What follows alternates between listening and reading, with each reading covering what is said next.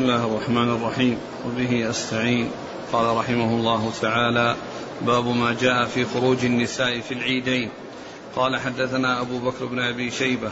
قال حدثنا أبو أسامة عن هشام بن حسان عن حفصة بنت سيرين عن أم عطية رضي الله عنها أنها قالت أمرنا رسول الله صلى الله عليه وعلى آله وسلم أن نخرجهن في يوم الفطر والنحر.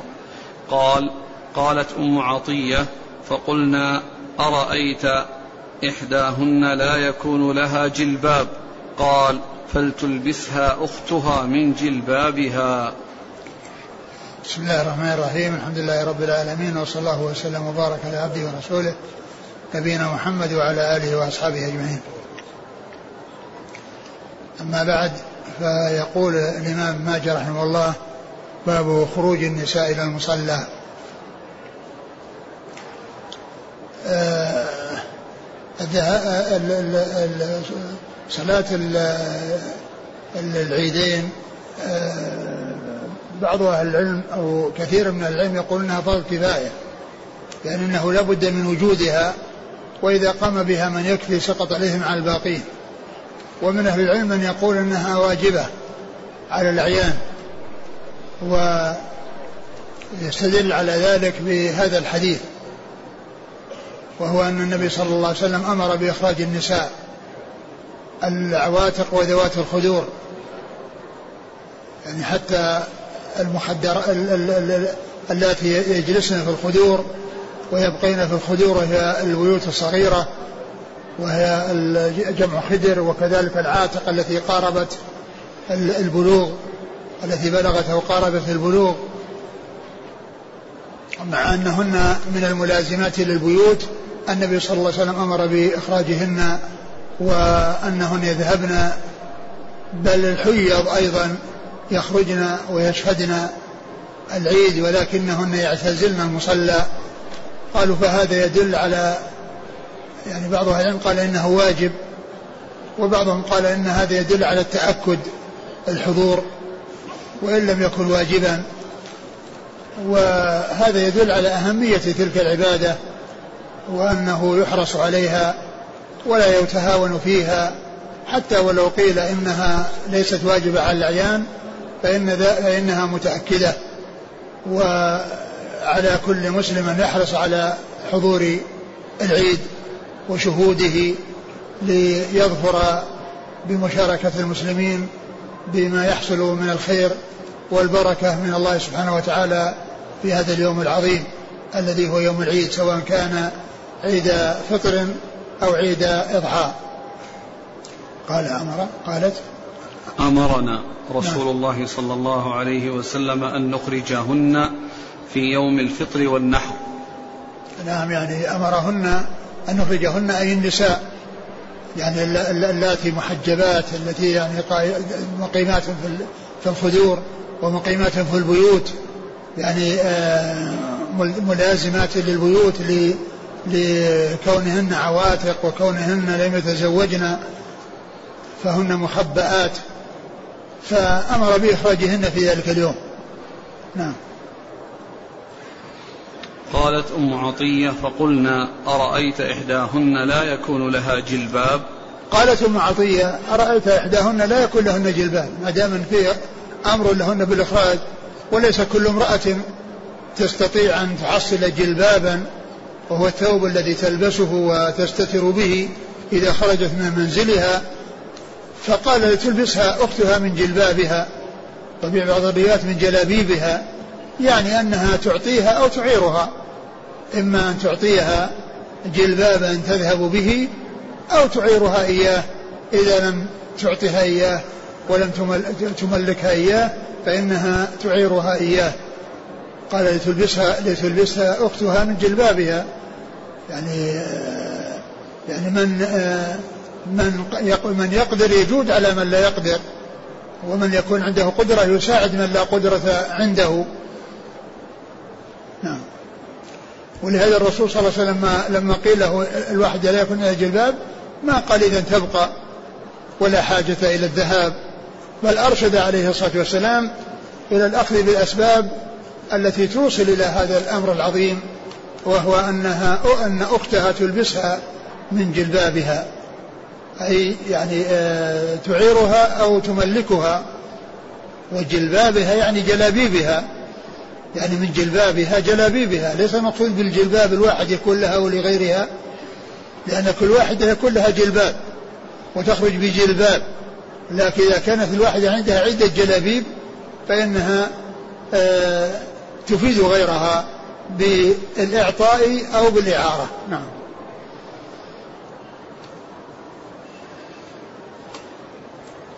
قال حدثنا أبو بكر بن أبي شيبة ثقة أخرج أصحاب الكتب إلا الترمذي.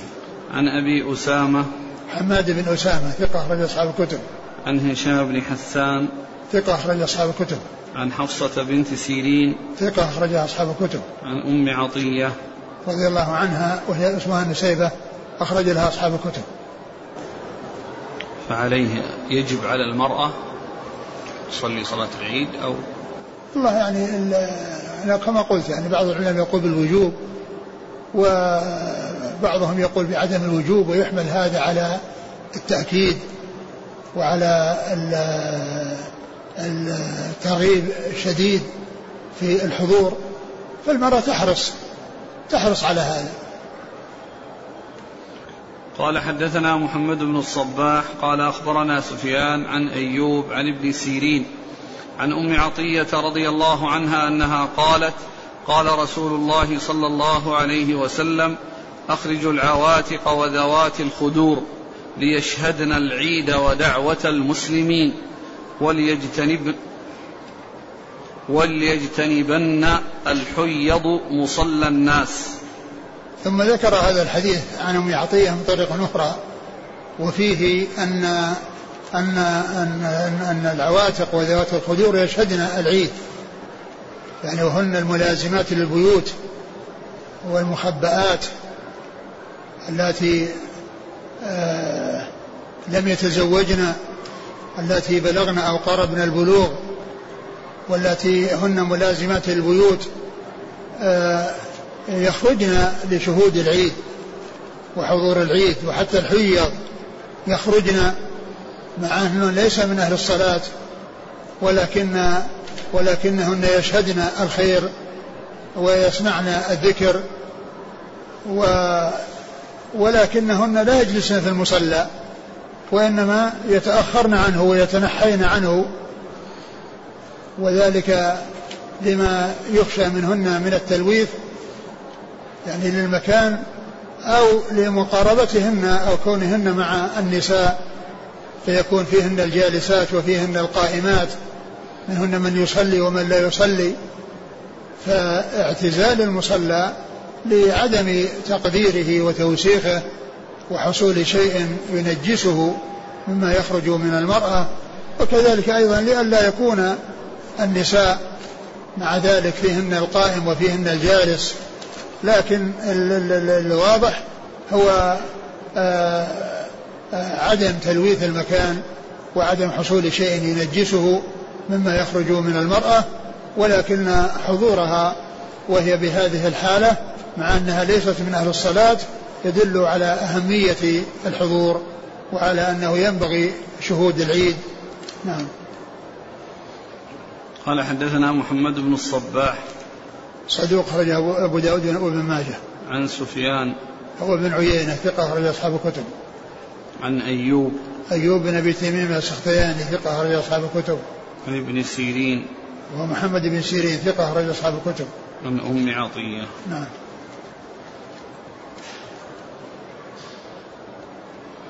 قوله ودعوة المسلمين. الدعاء الذي يحصل يعني سواء من من من, من الإمام وهم يؤمنون أو من كل واحد منهم. قال حدثنا عبد الله بن سعيد قال حدثنا حفص بن غياث قال حدثنا حجاج بن أرطاه عن عبد الرحمن بن عابس عن ابن, عن ابن عباس رضي الله عنهما أن النبي صلى الله عليه وسلم كان يخرج بناته ونساءه في العيدين. ثم ذكر هذا الحديث عن عباس أن النبي صلى الله عليه وسلم كان يخرج نساءه وبناته في العيدين يعني عيد الأضحى وعيد الفطر. والحديث في إسناده ضعف لأن فيه الحجاج بن أرطاه. ولكنه آه، آه، يعني مثل ما جاء في حديث عطية أم عطية كون النبي صلى الله عليه وسلم أمر بإخراج العواتق وذات الخدور فهو أيضا صلى الله عليه وسلم ينفذ ما أمر به في أهله. يعني فكما أن يأمر النساء بأن يخرجن فكذلك يفعل في نسائه. فالمعنى صحيح ولكن الإسناد ضعيف. نعم. قال حدثنا عبد الله بن سعيد. الأشد ثقة رجل أصحاب الكتب. عن حفص بن غياث. ثقة رجل أصحاب الكتب. عن حجاج بن أرطاة. وهو ضعيف. صدوق كثير الخطأ والتدليس. نعم. رجل البخاري في المفرد ومسلم وأصحاب السنن. نعم. عن عبد الرحمن بن عابس. وهو؟ ثقة أخرج أصحاب الكتب إلا الترمذي. نعم. عن ابن عباس. نعم. قال رحمه الله تعالى باب ما جاء فيما إذا اجتمع العيدان في يوم. قال حدثنا نصر بن علي الجهضمي. قال حدثنا أبو أحمد. قال حدثنا إسرائيل عن عثمان بن الم... عن عثمان بن المغيرة عن إياس بن أبي رملة الشامي. قال سمعت رجلا سأل زيد بن أرقم رضي الله عنه هل شهدت مع رسول الله صلى الله عليه وسلم عيدين في يوم؟ قال نعم. قال فكيف كان يصنع؟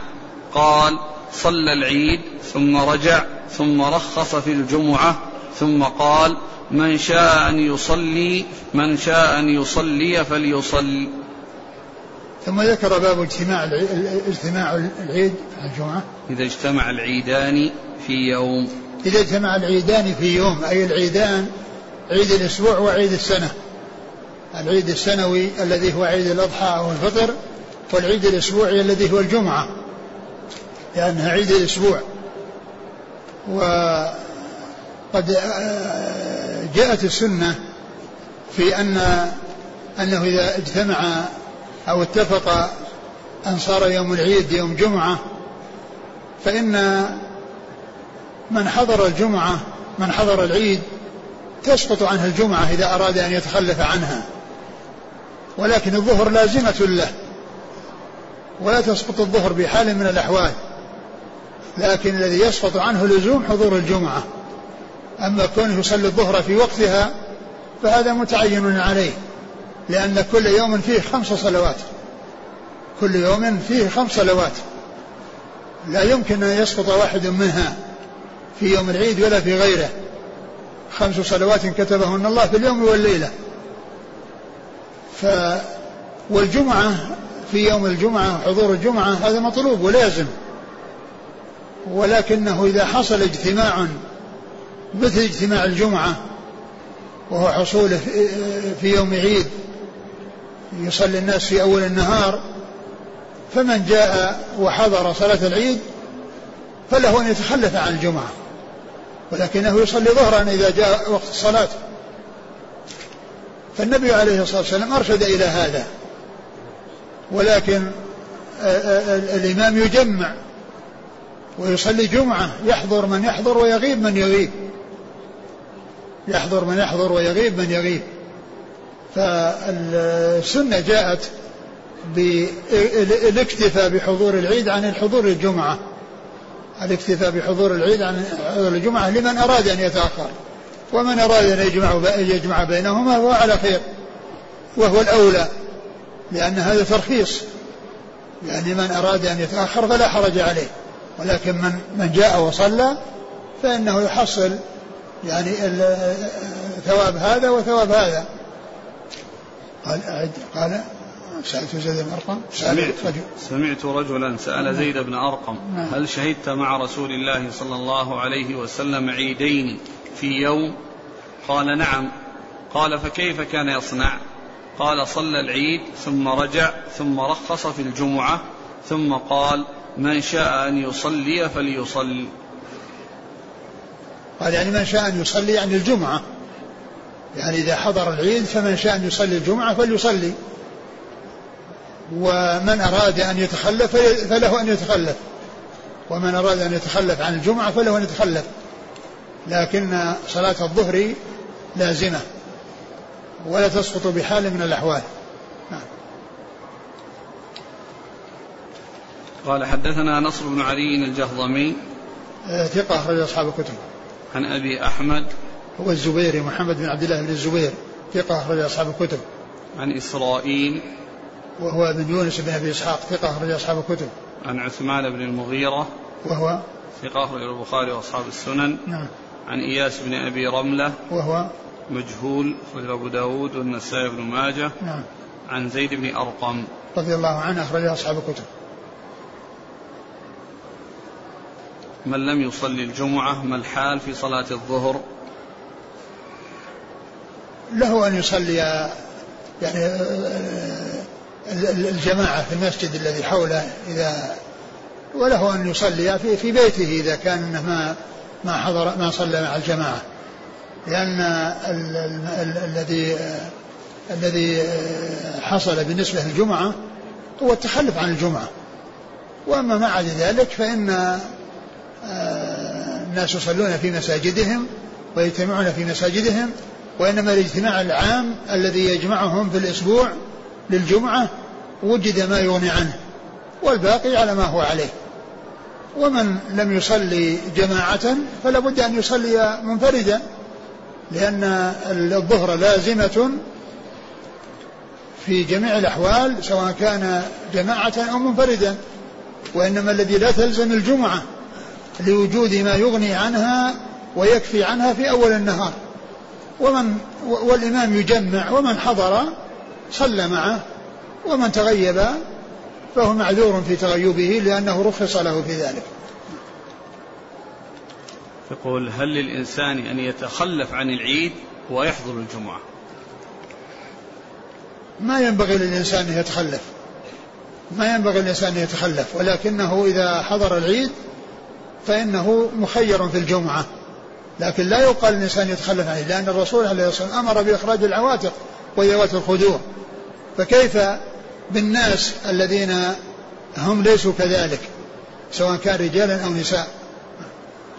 قال حدثنا محمد بن مصفى الحمصي قال حدثنا بقية قال حدثنا شعبة قال حدثني مغيرة الضبي عن عبد العزيز بن رفيع عن أبي صالح عن ابن عباس عن رسول الله صلى الله عليه وسلم أنه قال اجتمع عيدان في يومكم هذا.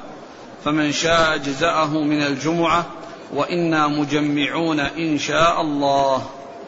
ثم ذكر هذا الحديث عن ابن عباس من طريق أخرى وفيه أنه قال اجتمع لكم في يومكم هذا عيدان يعني عيد الأسبوع وعيد السنة.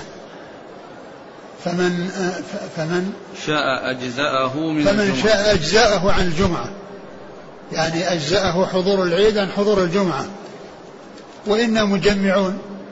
فمن أراد أن يحضر يحضر ومن لم يحضر فإنه معذور وقد رخص له في ترك الحضور. وهنا أطلق على الجمعة أنها عيد. يعني اجتمع لكم عيدان في يومكم هذا. اجتمع لكم عيدان يعني عيد الجمعة الأسبوعي وعيد السنة الذي هو عيد الأضحى أو عيد الفطر. ولهذا ترجم ابن ماجه اجتماع العيدين. يعني عيد عيد السنة وعيد الأسبوع. وقد جاء في صحيح البخاري عن عثمان بن عفان رضي الله عنه أنه يعني لما خطب الناس يعني في العيد قال اجتمع لكم في يومكم هذا يعني عيدان فمن أراد أن وإنا مجمعون فمن أراد أن يعني يتخلف فله ذلك ومن أراد أن يصلي فإنه يحضر. يعني الحديث في صحيح البخاري أو الأثر هذا في صحيح البخاري عن عثمان رضي الله عنه وأطلق عليه اجتمع عيدان. اجتمع لكم في يومكم هذا عيدان. فإذا جاء هذا في كلام الرسول صلى الله عليه وسلم وفي كلام أصحابه الكرام رضي الله عنهم وأرضاهم. نعم. قال حدثنا محمد بن المصفى الحمصي. صدوق أخرج له أبو داود والنسائي بن ماجه. نعم. عن بقية. ابن الوليد وهو صدوق أخرجه البخاري تعليقا ومسلم وأصحاب السنن. عن شعبة. شعبة بن الحجاج الواسطي ثقة أخرج أصحاب الكتب. عن مغيرة الضبي. وهو بن مقسم الضبي ثقة أخرج له. أصحاب الكتب. عن عبد العزيز بن رفيع. ثقة أخرج أصحاب الكتب. عن أبي صالح. أبو صالح ذكوان السمان ثقة أخرج أصحاب الكتب. عن ابن عباس. نعم. قال حدثنا محمد بن يحيى قال حدثنا يزيد بن عبد ربه قال حدثنا بقية قال حدثني شعبة قال حدثني مغيرة الضبي قال حدثني عبد العزيز بن رفيع عن أبي صالح عن أبي هريرة رضي الله عنه عن النبي صلى الله عليه وسلم نحوه. ثم ذكر هذا الحديث عن أبي هريرة وكان الحديث الأول عن ابن عباس. وقال نحوه أي نحو ما تقدم أو في المتن السابق. نحو المتن السابق نعم. قال حدثنا محمد بن يحيى. محمد بن يحيى الذهلي ثقة البخاري وأصحاب السنن عن يزيد بن عبد ربه. وهو ثقة أخرج له مسلم وأبو داود والنسائي بن ماجه. نعم. عن بقية عن شعبة عن مغيرة عن عبد العزيز عن أبي صالح عن أبي هريرة. نعم. والبصيري هو المحفوظ نعم. عن أبي هريرة. نعم قالوا أنه هو المحفوظ لأنها لأن آه، كثرة الرواية من أبي صالح إنما هي عن أبي هريرة.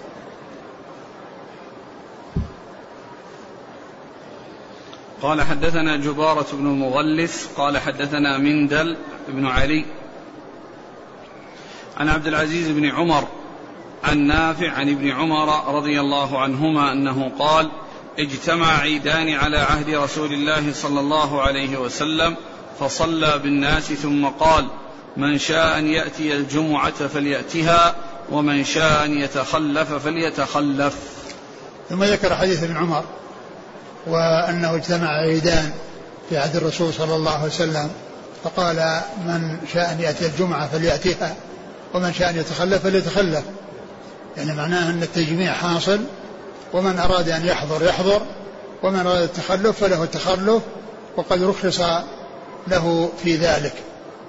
قد مر الحديث السابق قال وإنا مجمعون إن شاء الله. نعم. قال حدثنا جبارة بن المغلس ضعيف ضعيف أخرج له ابن ماجه. عن مندل بن علي وهو ضعيف أخرج له أبو داود بن ماجه. نعم. عن عبد العزيز بن عمر ابن عبد العزيز بن عمر بن عبد العزيز وهو صدوق يخطئ أخرج أصحاب الكتب. نعم. عن نافع عن ابن عمر. نافع مولى بن عمر ثقة أخرج أصحاب الكتب. وهذه الأحاديث التي جاءت في اجتماع العيدين وكون الجمعة صلاة العيد تغني عن حضور الجمعة. يدل على تأكد صلاة العيد. يدل على تأكد صلاة العيد وعلى أهميتها. وذلك أنها تغني عن عن الجمعة. تغني عن الجمعة وتكفي عن الجمعة. فكونها تكفي عن الجمعة لمن حضرها يدل على أهميتها وعلى عظيم شأنها. وهو من الأدلة التي يستدل بها من قال بوجوب بوجوب صلاة العيد لأنها تغني عنها وكذلك أيضا تدل يعني آه، يعني الجمعة لها خطبتان والعيد قيل أو آه، ذهب كثير من الفقهاء إلى أن لها إلى أن لها خطبتين وهذا يعني آه، يقوي يعني هذا هذا الشيء الذي هو كون لها خطبتان. لأنها الجمعة لها خطبتان وهذه لها خطبتان وهذه تغني عن هذه. يعني فيكون هذا الذي يغني عن صلاة الجمعة هو مثلها يعني من ناحية أنه خطبتين. لكنه ليس نصا في ذلك ولكنه آه، آه، يعني استدلال قوي. نعم. إذا لم يحضر أصحاب الأعذار صلاة العيد هل تسقط عنهم الجمعة؟ لا ما تسقط ما تسقط الجمعة. إلا إذا كان أنهم يعني تسقط عنهم الجمعة في الأصل لأنهم معذورين في ترك الجمعة والجماعة فهذا ثابت لهم سواء كان في عيد ولا ما في عيد. أما إذا كان ما هناك شيء يمنع ولكنه ما حضر العيد فلا يقال إنه إنه ما يحضر الجمعة وأنه لأن سقوط الجمعة وحضور الجمعة لمن حضر العيد. أما من لم يحضر العيد فإنه يحضر الجمعة. ذهب بعض العلماء إلى أن الرخصة إنما هي لمن أتى الجمعة من مكان بعيد وأما غيرهم فيبقون, فيبقون على الأصل من لزوم حضور الجمعة واستدلوا بأثر عثمان رضي الله عنه الذي رخص فيه لأهل العالية عن حضور الجمعة. فما الجواب عن ذلك؟ لفظ الحديث عام. لفظ الحديث عام. ما قال للقريب يعني آه، لا تسقط عنه وإنما تسقط عن البعيد. قال يعني آه، من أراد أن يحضر فليحضر ومن أراد أن يتخلف فليتخلف. وهذا لفظ عام لكل أحد. ما صحة ما ذكر عن ابن الزبير عندما اجتمع في عهده عيدان فصلى العيد ولم يخرج بعده إلى العصر. آه آه هذا لا يدل على سقوط الظهر. وقد يكون صلى في بيته وقد يكون قد صلى, صلى في بيته وقد يكون يعني أناب أحد يصلي جمعة ويعني فلا فلا يدل على سقوط الظهر يعني عن عن من عن من صلى العيد وإنما الذي تسقط الجمعة لكن قد يكون أن أناب أحد يعني يصلي بالناس الجمعة. نعم. يقول ألا يدل قوله صلى الله عليه وسلم إن الله يحب أن تؤتى رخصه؟ الأخذ بهذه الرخصة؟ يعني كما هو معلوم هذا هذا آآ آه، آآ آه، كون الإنسان يعني آه، لا يحضر أولى له من أن يحضر الأولى أن يحضر لكن من أراد فهو مرخص له. يعني معناه أنه معذور. لكن ليس معنى ذلك أنه مستحب له أنه يترك الحضور وأن عدم حضوره أولى من حضوره. ولكن له عذر لأن الجمعة لا يتخلف عنها. لكن من حصل له ذلك فإنه فإنه معذور. لكن لا يقال إن أن تخلف أولى من حضوره. قال رحمه الله تعالى باب ما جاء في صلاة العيد في المسجد إذا كان مطر. قال حدثنا العباس بن عثمان الدمشقي قال حدثنا الوليد بن مسلم قال حدثنا عيسى بن عبد الأعلى بن أبي فروة قال سمعت أبا يحيى عبيد سمعت أبا يحيى عبيد الله التيمي يحدث عن أبي هريرة رضي الله عنه أنه قال أصاب الناس مطر في يوم عيد على عهد رسول الله صلى الله عليه وسلم فصلى بهم في المسجد. ثم ذكر باب صلاة العيد في المسجد إذا كان مطر وأورد هذا الحديث عن أبي هريرة وأنه النبي صلى الله عليه وسلم كان يوم عيد فصار فيه مطر فصلى بهم في المسجد. والحديث ضعيف الحديث ضعيف الإسناد. وضعفه شديد. ولكن آه، الحكم لا شك أنه لأن العيد لا تسقط. ولا بد من من إيجادها. فإذا كان هناك مانع يمنع من الصلاة في المصلى لوجود المطر الذي لا يمكن معه أن يصلي الناس في المصلى فإنهم يتحولون إلى المسجد. فإنهم يتحولون إلى المسجد لأن العيد لا تسقط. بوجود مطر. العيد لا تسقط بوجود مطر فيتحولون من من من, من العراء إلى البنيان وإلى المسجد المسجد فيصلون فيه. لكن الحديث نفسه الذي ورد في هذا الإسناد ضعيف. ولكنها لا تسقط لا يسقط العيد لوجود المطر. فيتحول الناس إلى المسجد ويصلون فيه. نعم. قال حدثنا العباس بن عثمان الدمشقي. هو؟ صدوق يخطئ خرجه ابن ماجه. نعم. عن الوليد بن مسلم. ثقة رجع أصحاب الكتب. عن عيسى بن عبد الأعلى بن أبي فروة. وهو ضعيف. مجهول أخرجه أبو داود نعم. وابن ماجه. عن؟ أبي يحيى عبيد الله التيمي. وهو؟ مقبول البخاري في المفرد وأبو داود والترمذي نعم. والنسائي في مسند علي وابن نعم. ماجه. نعم. عن أبي هريرة. نعم.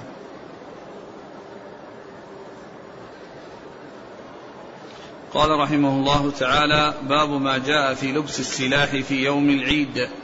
قال حدثنا عبد القدوس بن محمد قال حدثنا نائل بن نجيح قال حدثنا إسماعيل بن زياد عن ابن جريج عن عطاء عن ابن عباس رضي الله عنهما أن النبي صلى الله عليه وسلم نهى أن يلبس السلاح في بلاد الإسلام في العيدين إلا أن يكونوا بحضرة العدو. ثم ذكر لبس السلاح في العيد ورد في هذا الحديث أن النبي صلى الله عليه وسلم نهى عن لبس السلاح في العيدين إلا أن يكونوا بحضرة العدو يعني يكونوا خائفين فإنهم يكونوا مستعدين بلبس السلاح. وأما إذا كان هناك الأمن وعدم الخوف فإنه لا يحمل السلاح لأنه لا داعي إليه وقد يكون في الذهاب به مضرة بأن يكون آه، السيف خرج من غمده أو أخرج من غمده فيتسبب يعني بذلك ضرر أحد من الناس إذا حمل السلاح. فإنه يخشى فيه المضرة أو هو مظنة المضرة للناس. ثم إن الأصل هو عدم آه، آه، أخذ السلاح. إلا إذا وجد دليل يدل عليه. إلا إذا وجد دليل يدل على الأمر به وليس هناك ما يدل على ذلك. يعني جاء فيه النهي ولكن النهي جاء من طريق غير صحيح ولكن الأصل هو عدم عدم حمل السلاح حتى يأتي ما يدل على حصوله وثبوته. نعم. قال حدثنا عبد القدوس بن محمد. هو؟ صدوق في البخاري والترمذي والنسائي بن ماجه. نعم. عن نائل بن نجيح. وهو؟ ضعيف رجل ابن ماجه. نعم. عن إسماعيل بن زياد. وهو متروك؟ متروك كذبوه. قال نعم. ابن ماجه. نعم. عن ابن جريج. عبد الملك بن عبد العزيز بن جريج ثقة في أصحاب الكتب. عن عطاء. بن أبي رباح ثقة في أصحاب الكتب. عن ابن عباس. نعم. هذا هو الذي ضعفه شديد. أنا قلت في الأول أن ضعفه شديد وهو ليس فيه إلا ضعيف ومقبول وأما هذا فيه ضعيف ومتروك بل متهم بالكذب. قال رحمه الله تعالى باب ما جاء في الاغتسال في العيدين.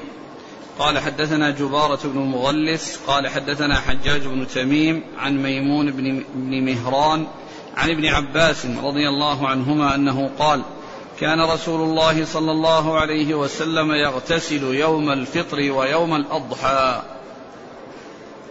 ثم ذكر الاغتسال للعيد وأورد هذا الحديث أن النبي صلى الله عليه وسلم كان يغتسل للفطر وللأضحى. كان يغتسل للفطر وللأضحى. لكن الحديث ضعيف في فهو غير ثابت عن رسول الله عليه الصلاة والسلام. قال حدثنا جبارة بن المغلس عن حجاج بن تميم. حجاج بن تميم هو؟ ضعيف رجل ابن ماجه. نعم. عن ميمون بن مهران. وهو ثقة أخرج له. البخاري المفرد ومسلم وأصحاب السنن. نعم. عن ابن عباس. نعم. قال حدثنا نصر بن علي الجهضمي. قال حدثنا يوسف بن خالد. قال حدثنا أبو جعفر الخطمي. عن عبد الرحمن بن عقبة بن الفاكه بن سعد. عن جده الفاكه بن سعد رضي الله عنه وكانت له صحبة.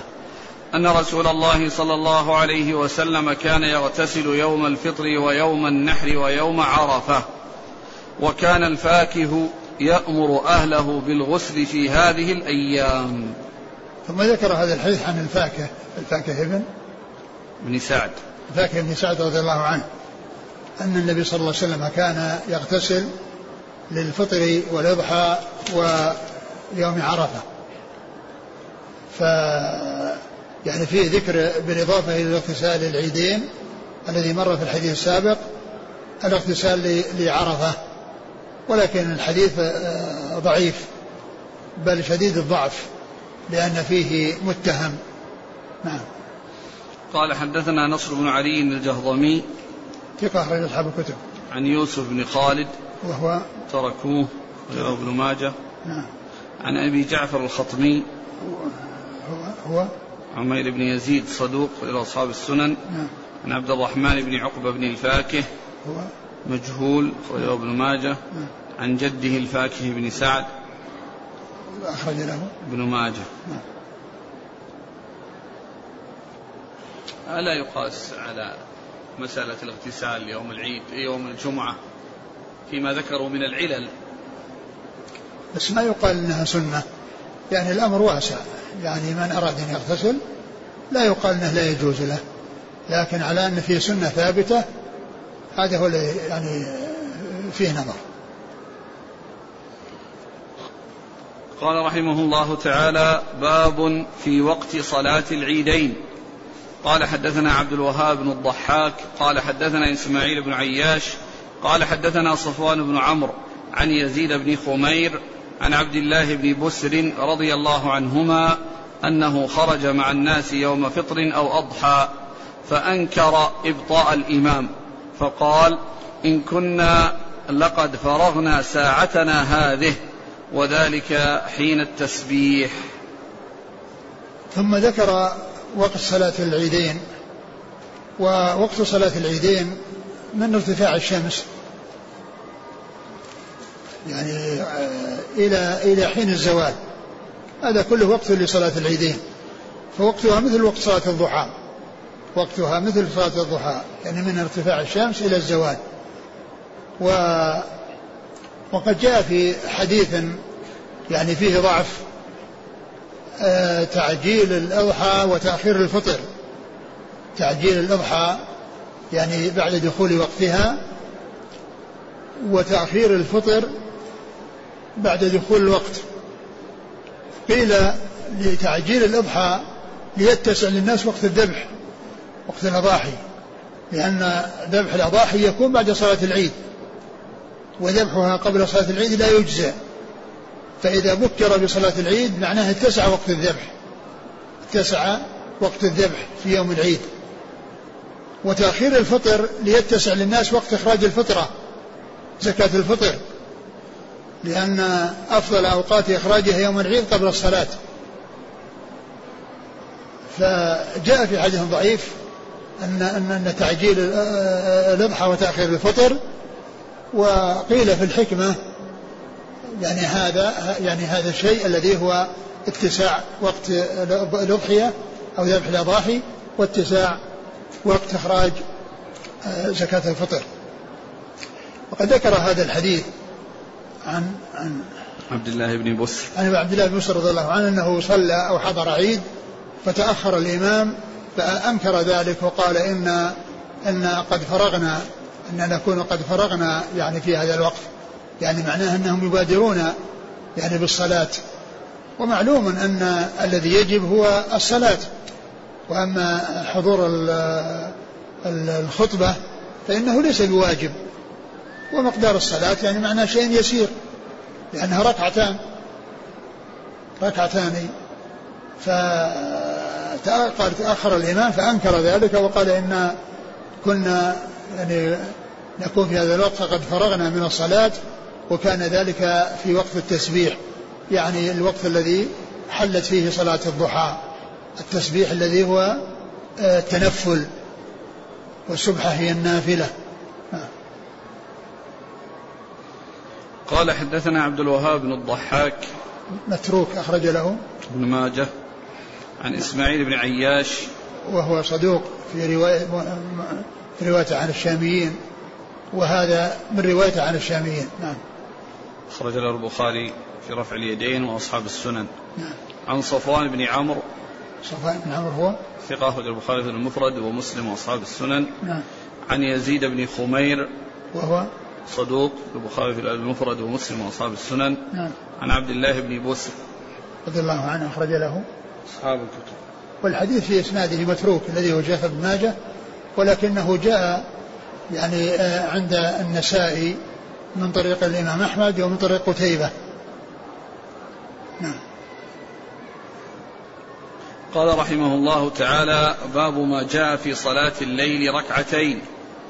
قال حدثنا أحمد بن عبده قال أخبرنا حماد بن زيد عن أنس بن سيرين عن ابن عمر رضي الله عنهما أنه قال كان رسول الله صلى الله عليه وسلم يصلي من الليل مثنى مثنى. ثم قال باب صلاة الليل مثنى مثنى. يعني اثنتين اثنتين. يسلم من كل ركعتين. وقد جاء ذلك من قوله وفعله عليه الصلاة والسلام. أما فعله فما جاء في حديث ابن عمر. قال كان يصلي من الليل مثنى مثنى. وكذلك جاء في حديث ابن عباس عندما بات عند خالته ميمونة فإنه صلى اثنتين اثنتين ويسلم من كل ركعتين. وأما فعله وأما قوله فقد جاء عنه عليه الصلاة والسلام أنه قال صلاة الليل مثنى مثنى. فإذا خشى أحدكم الصبح أتى بركعة توتر له ما مضى. فإذا ثبت آه كون صلاة الليل آه يسلم كل ركعتين ثبت من قوله عليه الصلاة والسلام وثبت من فعله. وحديث ابن عمر هذا من جملة الأدلة الدالة على ثبوت كون صلاة الليل مثنى مثنى من فعله عليه الصلاة والسلام. قال حدثنا أحمد بن عبدة ثقة أخرجه مسلم وأصحاب السنة. عن حماد بن زيد ثقة أخرج أصحاب الكتب. عن أنس بن سيرين ثقة أخرج أصحاب الكتب. عن ابن عمر. نعم. قال حدثنا محمد بن رمح قال أخبرني الليث بن سعد عن نافع عن ابن عمر رضي الله عنهما أن رسول الله صلى الله عليه وسلم قال صلاة الليل مثنى مثنى ثم أيضا هذا الحديث ذكر عن ابن عمر. من قوله عليه الصلاة والسلام الحديث الأول من فعله صلى الله عليه وسلم وهذا الثاني من قوله. فإذا جاء عن ابن عمر الصفتان يعني هذه الصفة من قوله صلى الله عليه وسلم ومن فعله. نعم. قال حدثنا محمد بن رمح هو المصري ثقة أخرج له؟ مسلم وابن ماجه. نعم. عن الليث بن سعد. ثقة أخرج أصحاب الكتب. عن نافع عن ابن عمر. نافع مولى بن عمر ثقة أخرج أصحاب الكتب. قال حدثنا سهل بن أبي سهل. قال حدثنا سفيان عن الزهري عن سالم عن أبيه. وعن عبد الله بن دينار عن ابن عمر. وعن ابن أبي لبيد عن أبي سلمة عن ابن عمر.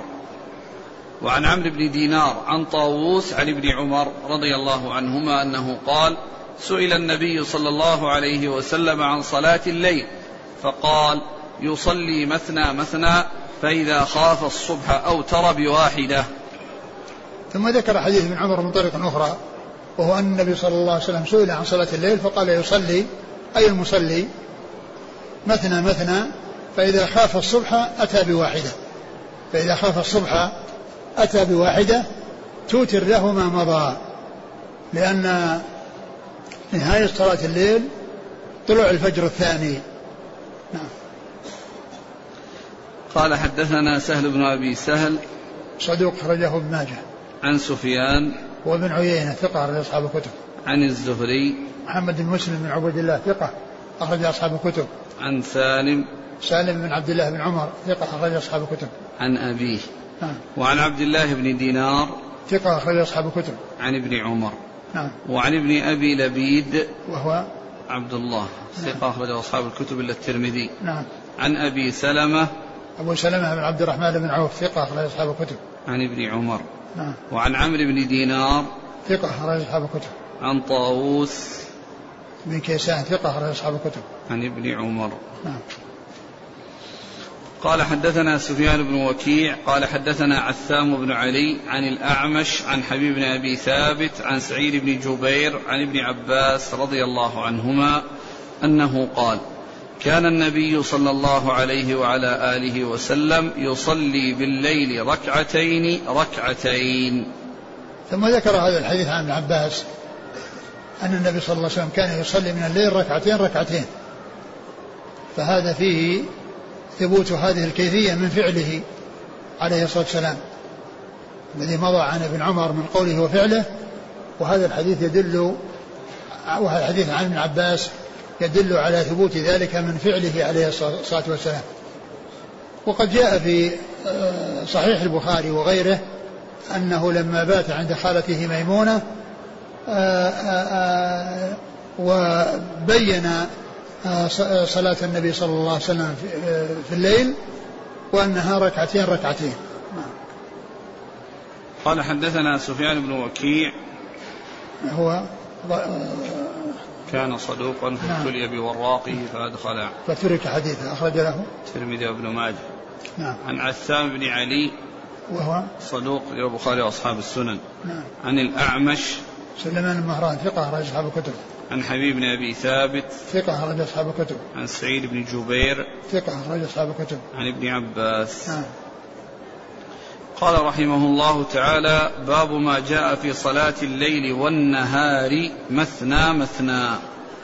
قال حدثنا علي بن محمد قال حدثنا وكيع حا قال وحدثنا محمد بن بشار وأبو بكر بن خلاد قال حدثنا محمد بن جعفر.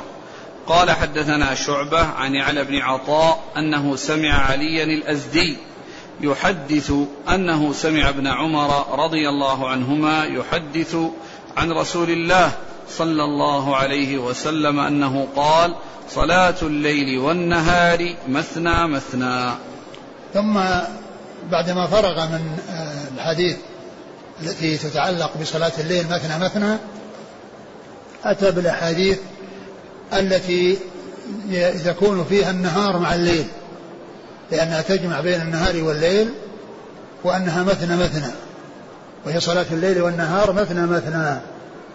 فإذا الترجمة السابقة تتعلق بالليل وحده أو بصلاة الليل وحده وأنها مثنى وهذه الترجمة تتعلق بالليل مع النهار وأنها مثنى.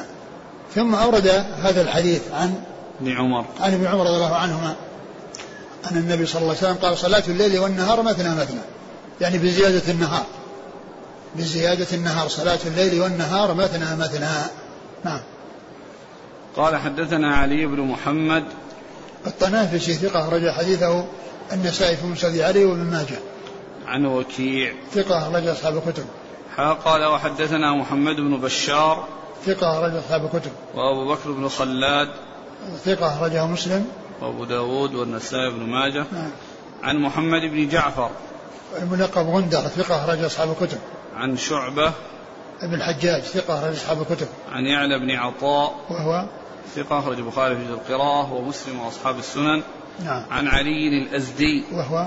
صدوق ربما أخطأ له مسلم وأصحاب السنن. نعم. عن ابن عمر. نعم.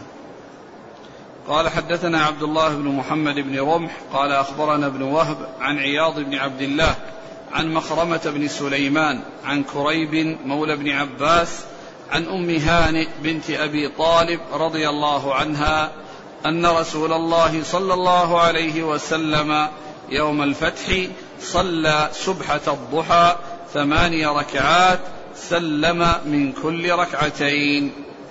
ثم ذكر هذا الحديث عن أم هانئ وهو في صلاة الضحى. وقد جاء في الأحاديث الصحيحة أنه صلى الضحى ثمان لكن ليس فيه أنه سلم من كل ركعتين وإنما جاءت من هذا الطريق الذي فيه ضعف. ولهذا فإن هذه الزيادة منكرة لأنها مخالف لما جاء عن الثقات من عدم ذكرها وإنما الاكتفاء بكون بكونها ثماني ركعات وأن النبي صلى الله عليه وسلم صلى عام الفتح يوم الفتح ثماني ركعات. فإذا هذه الزيادة منكرة لأنه في إسنادها من فيه ضعف وهي مخالفة للروايات الأخرى التي لم تذكرها. نعم. قال حدثنا عبد الله بن محمد بن وهي, وهي تتعلق بالنهار فقط لأنها الصلاة الضحى في النهار. نعم. محمد عبد الله محمد بن رمح هذا ابن محمد بن رمح الذي يأتي ذكره كثيرا و وهو مثل أبيه يروي عن الليث. يعني هو يروي عن الليث وأبوه يروي عن الليث. مثل سعيد بن أبي سعيد المقبري وأبوه كل منهم يروي عن أبي هريرة. كل منهم يروي عن أبي هريرة. الابن والأب يرويان عن أبي هريرة. وهنا الابن والأب يرويان عن الليث بن سعد. وهما مصريان والليث بن سعد مصري. وهو صدوق. الاسناد عندنا الوهب ها؟ الاسناد هنا. عبد الله. الوهب عبد الله بن أنا قلت الليث؟ اي لا لا عبد الله بن نعم. الإسناد اللي مر معنا الإسناد اللي قبله ابيه عن الليث. هنا إيه. نعم. ابن عن عبد اي الله نعم. نعم. يعني هنا حتى يعني مر أسانيد كثيرة يروي فيها أحمد بن رفع عن عن عن عبد الله بن وهب. عن عبد الله بن وهب نعم. عبد الله بن عبد الله بن محمد بن رمح صدوق رجله ابن ماجه. نعم. عن ابن وهب. وهذا لأول مرة يأتي. يعني اللي هو عبد الله يعني يعني عبد الله بن بن محمد بن رمح لأول مرة يأتي. نعم. عن ابن وهب عن فيما أذكر أنه لأول مرة يأتي. عن عياض بن عبد الله هذا فيه لين أخرج له. مسلم وأبو داود والنسائي بن ماجه. نعم. عن مخرمة بن سليمان وهو ثقة أخرج أصحاب الكتب نعم. عن كريب مولى بن عباس ثقة أخرج أصحاب الكتب. عن أم هانئ. أم هاني رضي الله عنها أخرج أصحاب الكتب. قال حدثنا هارون بن إسحاق الهمداني قال حدثنا محمد بن فضيل عن أبي سفيان السعدي عن أبي نضرة عن أبي سعيد رضي الله عنه عن النبي صلى الله عليه وسلم أنه قال في كل ركعتين تسليمة. ثم ذكر هذا الحديث عن عن أبي سعيد. نعم. قال في كل ركعتين تسليمة. يعني أن الإنسان كلما يصلي ركعتين يسلم. يعني سواء في الليل أو في النهار لأنه مطلق. وهذا هو وجه إرادة بالترجمة. لأنه مطلق يشمل الليل والنهار. لكن الإسناد ضعيف. لأن في إسناده من فيه ضعف. نعم. قال حدثنا هارون بن إسحاق الهمداني. هو؟ صدوق أخرج له البخاري في القراءة والترمذي والنسائي وابن ماجه. نعم. عن محمد بن فضيل. ابن غزوان صدوق خرج أصحاب الكتب. عن أبي سفيان السعدي. وهو؟ طريف بن شهاب ضعيف. نعم. أخرج له الترمذي وابن ماجه. نعم. عن أبي نضرة. المنذر بن مالك بن قطعة وهو ثقة ثقة أخرج له. البخاري تعليقا ومسلم وأصحاب السنن. نعم. عن أبي سعيد. نعم. قال حدثنا أبو بكر بن أبي شيبة. قال حدثنا شبابة بن سوار. قال حدثنا شعبة. قال حدثني عبد ربه بن سعيد. عن أنس بن أبي أنس. عن عبد الله بن نافع بن العم ابن العمياء. عن عبد الله بن الحارث رضي الله عنه عن المطلب يعني ابن, ود... ابن أبي وداعة رضي الله عنه أنه قال قال رسول الله صلى الله عليه وسلم صلاة الليل مثنى مثنى وتشهد في كل ركعتين وتباءس وتمسكن وتقنع وتقول اللهم اغفر لي فمن لم يفعل ذلك فهي خداج. ثم ذكر هذا الحديث وهو يتعلق بصلاة الليل وحدها والترجمة هي لصلاة الليل والنهار. ف وهنا ليس فيه إلا ذكر صلاة الليل. وهو إسناده إسناده ضعيف ولكن الأحاديث كثيرة في صلاة الليل. وحديث صلاة الليل والنهار المر بنا فيها ضعف ولكن الحديث يعني بعضها صحيح ومستقيم. أوله شو؟ صلاة الليل مثنى. مثنى وت وتشهد في كل ركعتين. يعني يعني يتشهد في كل ركعتين. يعني وهذا محل الشاهد. إنه يعني يعني ياتي يعني بانه إنه يعني مثنى مثنى ويكون في تشهد بين كل ركعتين. نعم. وتباءس. يعني يعني يعني يظهر البؤس والفقر والفاقة. نعم. وتمسكن. يعني التمسكن يعني وهو أيضا مثله. نعم. وتقنع. يعني تقنع يعني يرفع يديه. يعني يسأل الله عز وجل. وتقول اللهم اغفر لي. يعني وتقول اللهم اغفر لي. نعم. فمن لم يفعل ذلك فهي خداج. يعني اللي في الصلاة نعم. قال حدثنا أبو بكر بن أبي شيبة. نعم. عن شباب بن سوار ثقة رجل أصحاب الكتب. عن شعبة عن عبد ربه بن سعيد عن أنس. وعبد عبد ربه بن سعيد. ثقة أخرج أصحاب الكتب. نعم. عن أنس بن وهذا أخو أخو يحيى بن سعيد. أخو يحيى بن سعيد الأنصاري. نعم. عن أنس بن أبي أنس. وهو؟ يقول صوابه عمران. عمران بن أبي أنس. ثقة أخرج له البخاري في الأدب المفرد ومسلم وأصحاب السنن. نعم. عن عبد الله بن نافع بن العمياء وهو مجهول أخرج أصحاب السنن. نعم. عن عبد الله بن الحارث وهو له رؤية أخرج أصحاب الحارث الحارث بن نوفل. بن نوفل؟ نعم. نعم.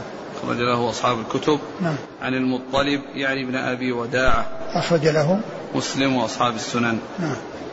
انتهى باب. والله أعلم وصلى الله وسلم وبارك على عبده ورسوله نبينا محمد وعلى آله وأصحابه أجمعين.